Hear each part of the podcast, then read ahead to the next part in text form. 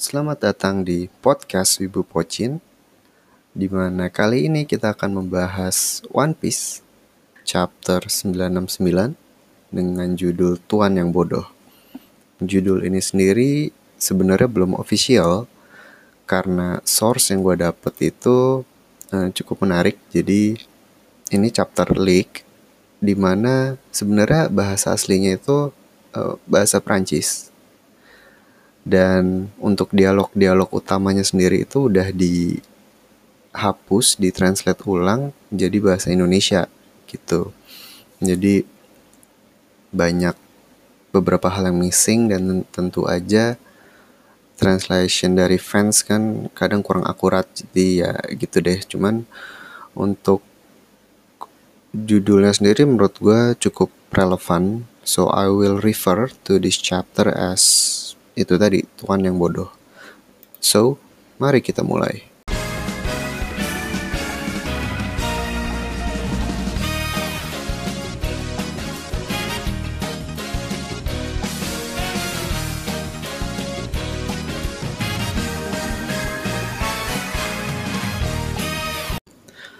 Seperti biasa, gue bakal bahas dari cover story-nya. Kali ini lumayan menarik karena akhirnya ada sesuatu yang terjadi. Kita bisa lihat uh, Goti nampak diratakan oleh salah satu dari angkatan laut yang menangkap Chiffon. Dan kenapa gue bilang ini menarik? Soalnya mestinya si Goti ini merupakan salah satu top fighter dari bajak laut Fire Tank. Selain Vito yang lidahnya panjang itu dan kaptennya sendiri yaitu BG anggap aja kayak mm, monster trionya grup mereka mungkin. Walaupun ya kita tahu level dari BG sendiri menurut gue masih di bawah Zoro ataupun Sanji. Poin yang ini gue angkat adalah kelompok angkatan laut yang baru kita lihat di side story ini kayaknya kekuatannya bisa dibilang di atas rata-rata untuk standar New World jadi ada kemungkinan kita bakal lihat mereka di main story gitu. Dan mungkinkah mereka sebenarnya adalah bagian dari uh, eh, SSG atau Special Science Group yang ditujukan oleh Angkatan Laut untuk menggantikan si Chibukai? I don't know. Dan kemungkinan besar juga SSG isinya pasifista-pasifista seperti Kuma jadi kita bisa coret kemungkinan itu. Dan mungkin ya mungkin mereka bagian dari SWORD tapi gak ada clue untuk itu setidaknya sampai sekarang. Jadi ya kita tunggu aja kelanjutan dari side story ini. Anyway let's move into the main story as we once again pick up where we left off from 968. Sebenarnya ada satu detail yang gue lupa mention dari chapter sebelumnya gitu yaitu bahwa kejadian yang sedang kita lihat ini sebenarnya jaraknya masih lima tahun dari kematiannya si Oden salah satu klunya ya si Momo masih balita gitu kan baru bisa ngomong. Nah ini ya sebenarnya semua udah jelas sih di chapter ini karena kita jadi melihat selama lima tahun itu apa sih yang terjadi kepada si Oden gitu. Maksudnya kenapa dia nggak langsung mati gitu kan dan di saat yang bersamaan kenapa Orochi dan juga Kaido nggak kenapa-napa gitu So, anyway, lanjut dari 968. Dugaan gue kurang lebih tepat karena serangan Oden dihentikan oleh salah satu pembantunya Orochi.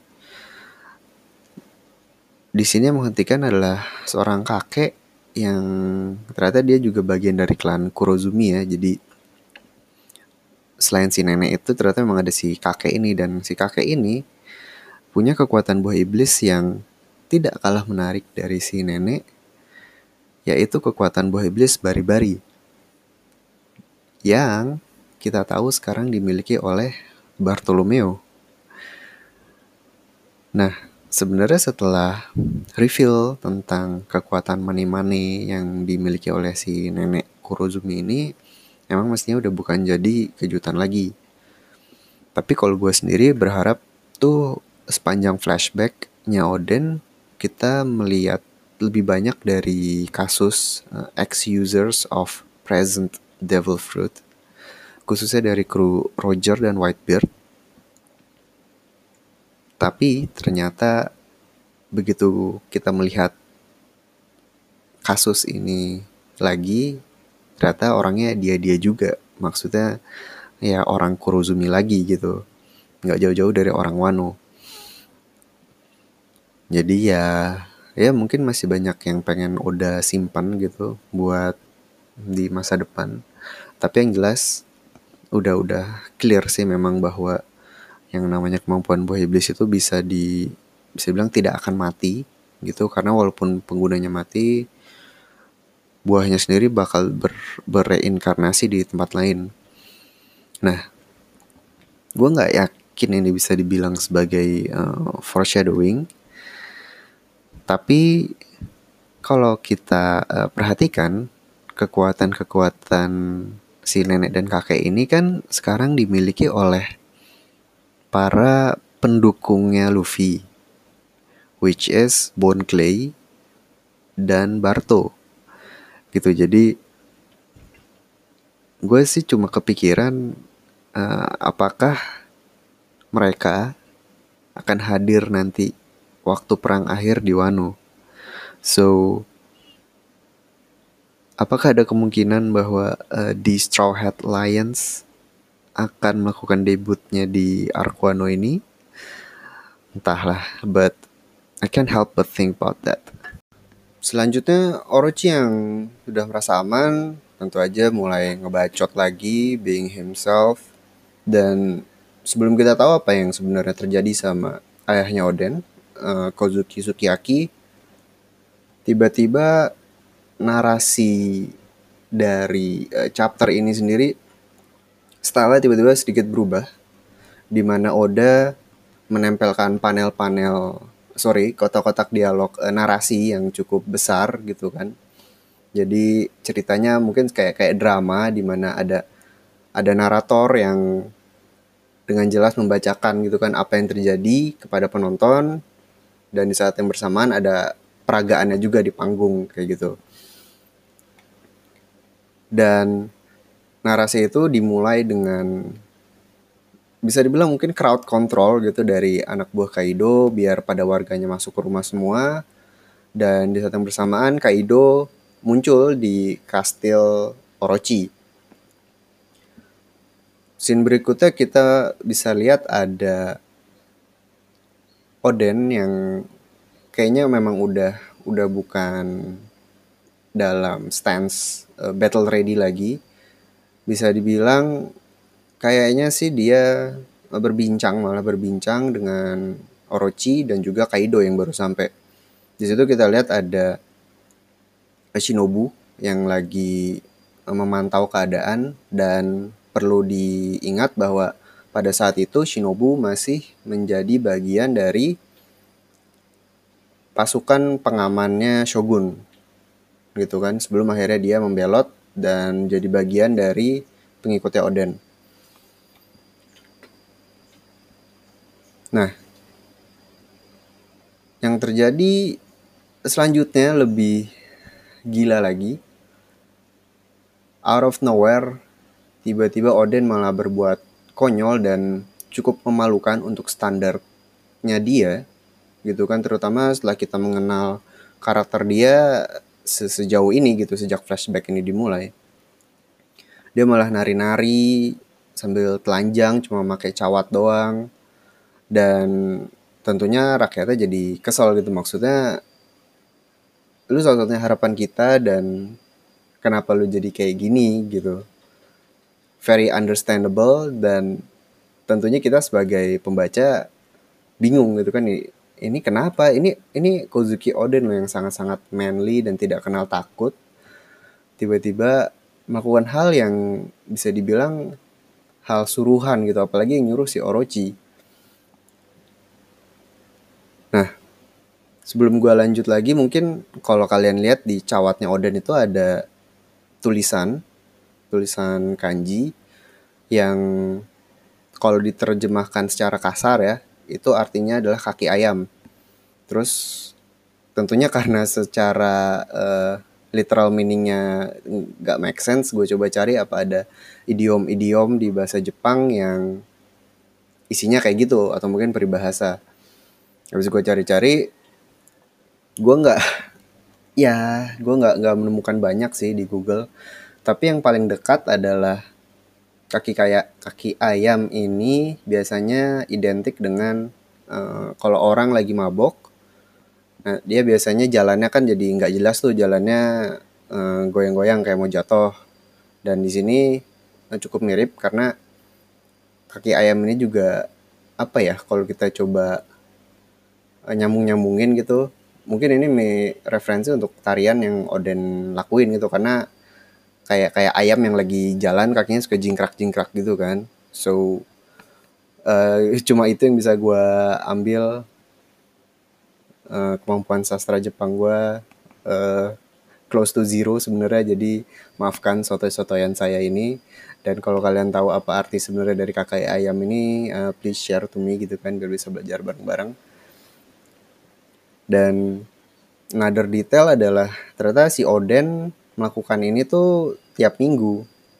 Tiap minggu dia datang ke ibu kota dia nari-nari the, the exact same thing every single week. Dan akhirnya orang-orang pun jadinya malah jadi membuat lagu tentang kekonyolannya ini.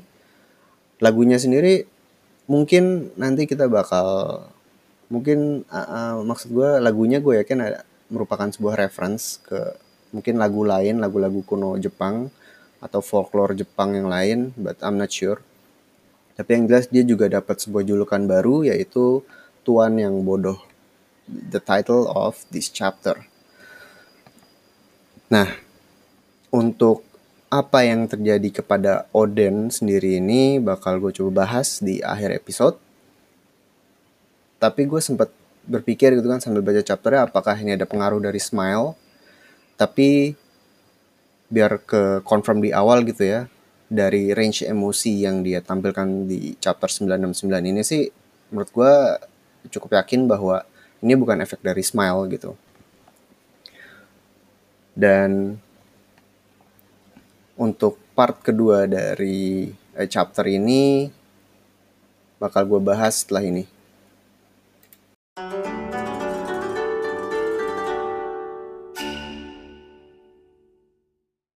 Balik lagi, One Piece chapter 969. Kita akan membahas sisa dari chapter ini yang kurang lebih sebenarnya berisi apa yang terjadi selama lima tahun sebelum akhirnya Oden meninggal.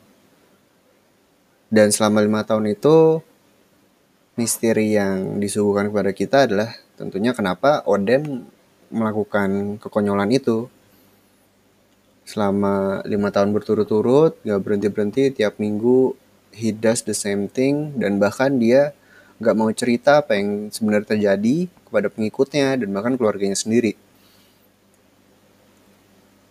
Selama rentang waktu tersebut gue gue sempat ngira tuh mungkin sebuah alternate story yang mungkin terjadi begitu Kaido nyampe di kastil ya Oden ditangkap terus dia kayak disiksa karena uh, Kaido butuh info mengenai uh, entah itu poneglyph entah itu uh, Raftel atau bahkan tentang One Piece itu sendiri. Tapi di sini kita bisa lihat ternyata Kaido melepaskan Oden dan ya ya itulah yang kita lihat malah. Jadi sekali lagi ini benar-benar aneh gitu. Dan ke sana kok kayak Kaido nggak nggak mau tahu gitu. I mean kalau dia ke Wano mestinya dia kayak ada tujuan lain selain untuk mendapatkan untuk sekedar ada tujuan lain selain sekedar mendapatkan senjata gitu kan? Jadi agak aneh sih menurut gua. Kenapa dia nggak langsung nanya ke Oden? Karena basically uh, he's the only one with the ability at that time gitu. Nah, jadi selama lima tahun berjalan itu banyak kejadian yang menarik di dunia di di luar Wano lebih tepatnya kan. Jadi kayak contohnya kematian Roger yang terjadi satu tahun setelah Oden kembali ke Wano. Nah di di sini ini kita bisa lihat sebenarnya Oden tuh he is still himself. Dia masih ingat mantan kaptennya dan dia masih bisa menunjukkan emosi yang yang proper gitu. Maksudnya kalau lu kena efek smile kan, lu bakal tertawa tanpa bisa terkontrol kalau lu mencoba untuk mengeluarkan emosi negatif. I, I mean oke okay, di sini uh, Oden ketawa tapi bisa gue anggap bahwa ketawanya ini ketawa bangga gitu kan dia sambil bila, dia bilang kayak uh, you had amazing life such an amazing life Roger kayak uh, like I'm proud of you kayak gitu dan dia tentunya sedih sama seperti um, kru semua kru krunya gitu kan yang nangis yang kita bisa lihat kalau di dulu tuh ada chapter zero di mana kita bisa lihat eksekusinya Roger dan keadaan di sekeliling Lockdown di mana di situ banyak anak buahnya dan juga para bajak laut bajak laut yang nantinya bakal jadi legend di dunia One Piece. Nah, mengenai ekspresi Oden sendiri yang sedih tapi nggak sedih maksudnya dia sedih karena dia meninggal kan tapi dia kayak tertawanya di akhir tuh kayak seakan-akan memberikan sedikit clue bahwa eksekusi publik dan speech yang Roger lakukan sebelum dia meninggal tuh adalah sesuatu yang ya emang dia rencanakan gitu untuk mulai era bajak laut. Tapi ya yeah, I think it's already obvious at this point so ya gitulah. Uh, lanjut tahun kedua Oden still does the same thing, tapi ada satu berita besar lagi yang terjadi yang merupakan sebuah perang antara bajak laut Gecko Moria dan Kaido. Sebenarnya kita kita udah tahu ini udah dari lama kan dari zaman thriller Bark di mana uh, Moria yang waktu mau dikalahin Luffy dia bilang kayak lu nggak bakal bisa lanjut ke New World lihat nih gue dihajar sama Kaido si kurang ajar itu. Dan kita juga belajar bahwa seluruh krunya dibantai dan cuma dia doang yang bisa balik ke Grand Line. Makanya kalau kita lihat uh, penggambaran perang tersebut si Moria yang masih muda gitu kan di sekelilingnya ada siluet-siluet kru cuman kayak nggak ada yang bisa kita kenali kayak cuma a bunch of unknowns. Sementara kalau lihat krunya Kaido kita bisa lihat siluetnya King di sebelah kirinya sama Queen di sebelah kanannya gitu. Nah, info tambahan yang bisa kita dapat tentang event ini adalah bahwa ternyata pertarungannya terjadi di Wano. Jadi si Moria udah nyampe New World, dia nyampe ke Wano dan akhirnya dia rusuh sama Kaido.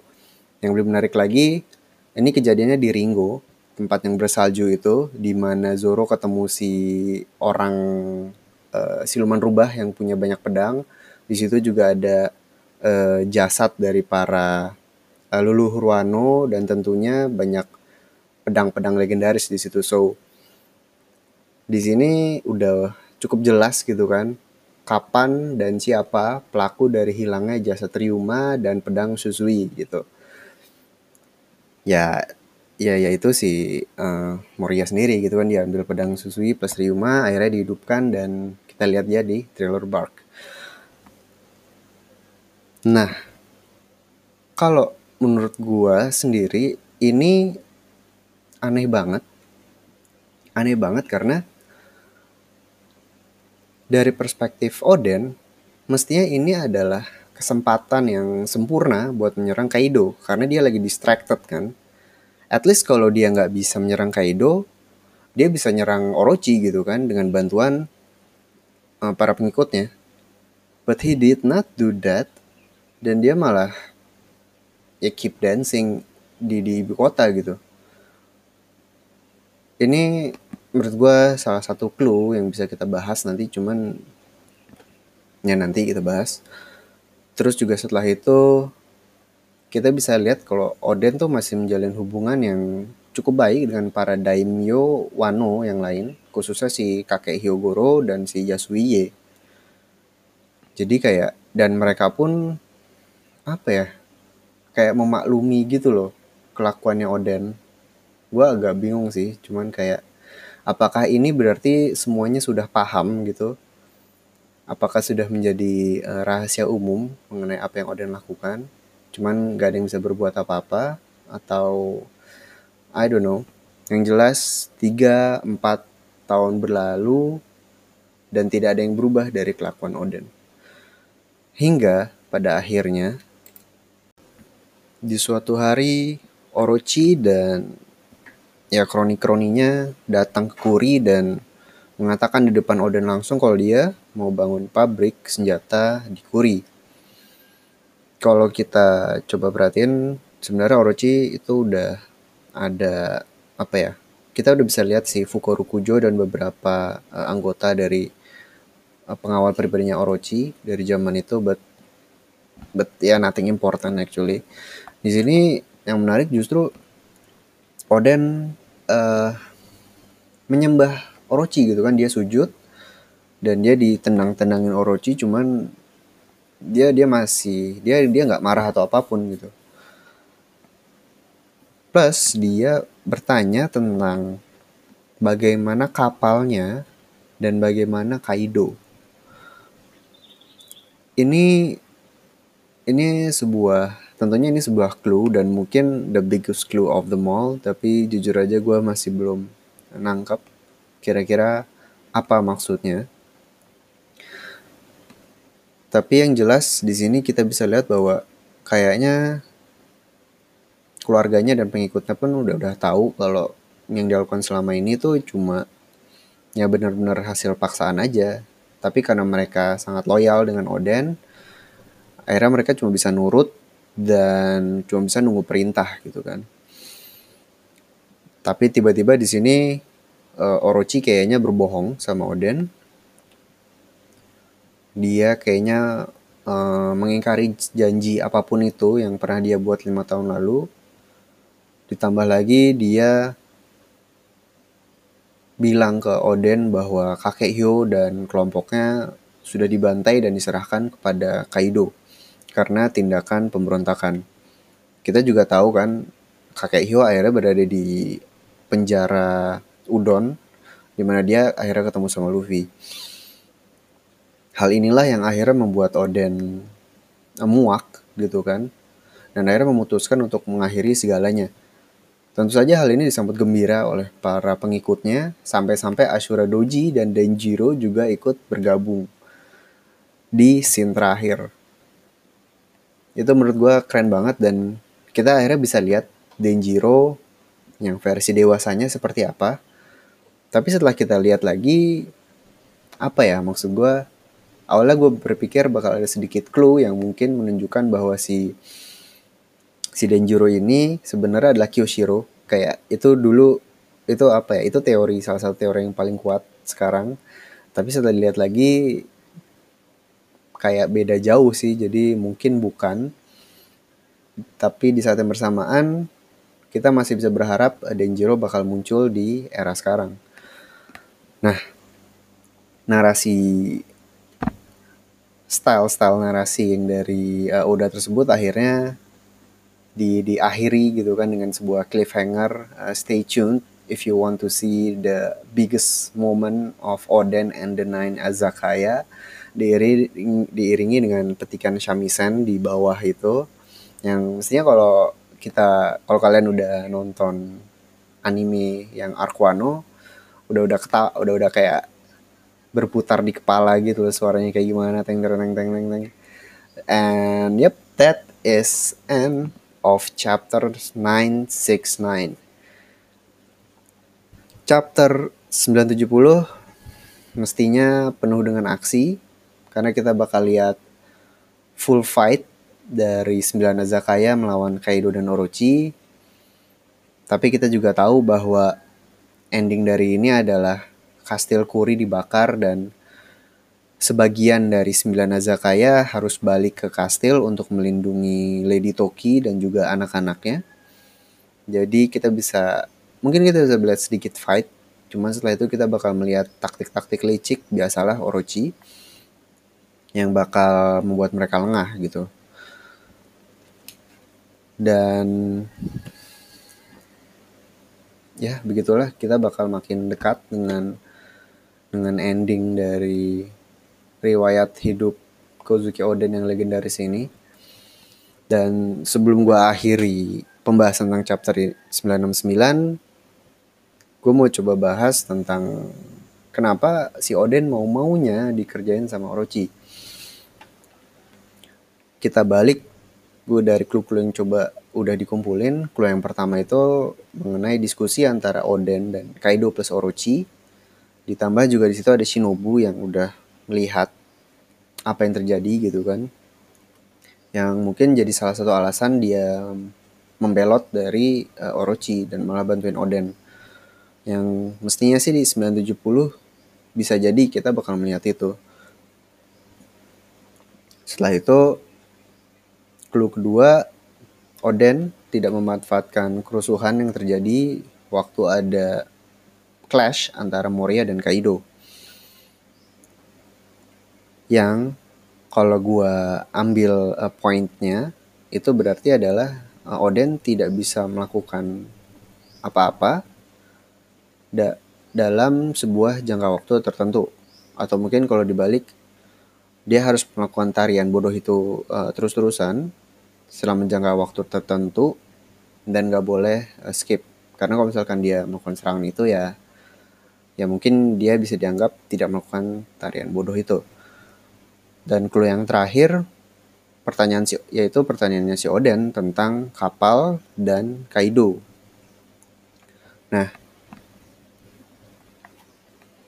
ini nah dari tiga clue tersebut menurut gua sih yang bisa gua simpulkan berarti somehow Orochi atau Kaido e, berhasil membuat Oden menyetujui sebuah perjanjian yang isinya kita belum tahu tapi yang jelas itu melibatkan jangka waktu tertentu yaitu lima tahun. Dan reward untuk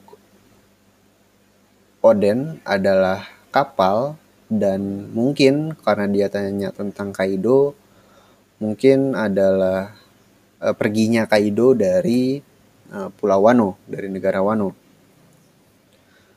Jadi mungkin kayak Kaido berjanji kayak uh, eh, gue cuma bakal di sini lima tahun lagi kok abis itu gue bakal cabut. Nggak tahu sih. Terus uh, tapi syaratnya sama lima tahun itu lu jangan ganggu gue terus mungkin Orochi nambahin lu harus menari seperti ini dan seperti itu. Atau mungkin ada sebuah um, ancaman gitu kan dengan menggunakan kekuatan money-money. Tapi entahlah.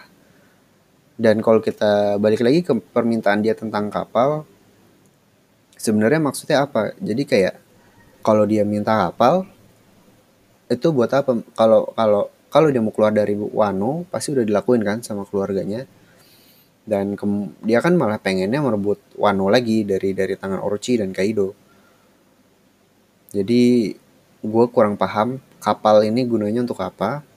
Apakah misalkan kapal itu berhubungan dengan dibukanya border Wano jadi mungkin kayak kapal yang bisa berhubungan dengan negara luar or something like that. Gua nggak begitu nah itu kurang make sense sih cuman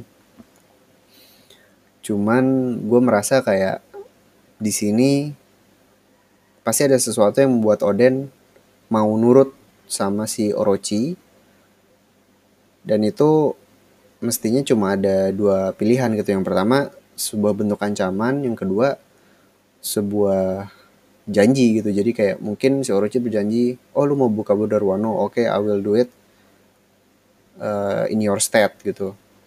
Tapi entahlah gue nggak ngerti. Yang jelas um, kita udah nggak perlu melihat ini lebih lama lagi karena Oden sudah muak dan kita bakal melihat climax dari flashback sang Kozuki Oden. And that's all for chapter 969. See you. Bye.